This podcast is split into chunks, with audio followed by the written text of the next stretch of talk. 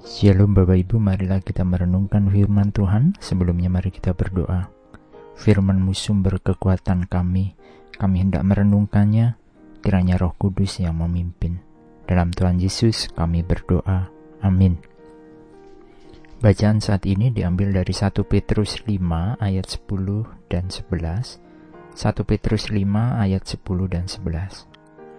Dan Allah sumber segala kasih karunia yang telah memanggil kamu dalam Kristus kepada kemuliaannya yang kekal, akan melengkapi, meneguhkan, menguatkan, dan mengokohkan kamu sesudah kamu menderita seketika lamanya. Ialah yang punya kuasa sampai selama-lamanya. Amin. Berbicara atau membahas penderitaan bukanlah sesuatu yang menyenangkan. Mungkin banyak dari kita tidak menyukai ketika bahasan penderitaan. Sering kita mencoba mengalihkan topik pembahasan penderitaan dengan kisah-kisah yang lebih menyenangkan. Sudah, nggak usah dibahas. Itu kisah yang nyebelin, kisah yang tidak menyenangkan. Sering kita berujar demikian. Ketika kita mengambil sikap untuk menjadi pengikut Kristus, sebenarnya kita juga sudah mengambil peran untuk berani menghadapi penderitaan. Menjadi pengikut Kristus harus siap pikul salib.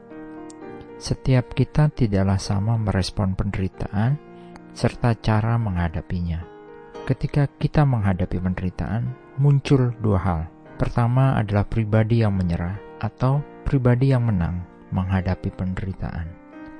Kita sebagai umat yang percaya, yang sudah dipanggil olehnya, dalam menghadapi penderitaan sudah dijanjikan dan tidaklah dibiarkan begitu saja. Allah sumber segala kasih karunia akan melengkapi, meneguhkan, menguatkan, dan mengokohkan kita. Penderitaan bagi umat yang terpanggil seharusnya tidak membuat kita menjadi lemah. Malahan, sebaliknya, kita semakin luar biasa karena Tuhan sendiri yang akan menyertai kita. Penderitaan harus membuat pertumbuhan iman kita semakin baik ke arah Tuhan, karena Dia adalah Allah yang mempunyai kuasa sampai selama-lamanya. Amin. Mari kita berdoa. Tuhan, dalam hidup kami memang ada penderitaan, tetapi kami percaya Tuhan juga yang akan melengkapi, meneguhkan, menguatkan, dan mengokohkan kami, sehingga kami menjadi umat yang bersuka cita karena Engkau. Terpujilah Engkau Tuhan, dalam Tuhan Yesus kami berdoa. Amin. Tuhan Yesus memberkati. Shalom.